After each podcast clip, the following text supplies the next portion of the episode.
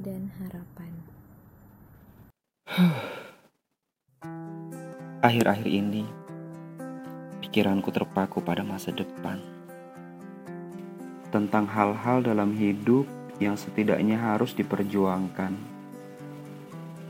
Layaknya mimpi dan harapan yang tak sempat terrealisasikan. Untuk bisa menemukan damai di tengah lajunya ramai yang sulit tergapai.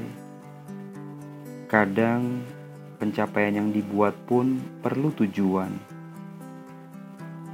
Kita semestinya menanyakan kembali pada diri, apa yang sebenarnya kau inginkan?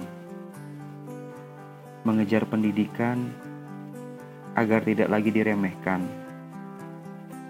mendapat pekerjaan agar terhindar dari kesulitan memiliki pasangan agar dapat berbagi kebahagiaan dan kesedihan, atau memiliki banyak teman agar kau tidak lagi merasa kesepian. Hmm. Aku ingin memberitahumu satu hal. Rasa damai tak akan bisa tercapai jika kau enggan menghargai segala hal yang kau jalani. Tak jarang, tekanan itu datang dari orang terdekat. Tak apa, cukup benahi diri dengan terus bermanfaat.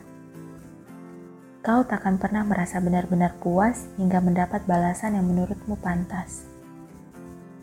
Pada akhirnya, kau akan sadar bahwa semua ini bukanlah tentang kuantitas yang kau miliki, namun tentang kualitas dari apa yang telah kau amini.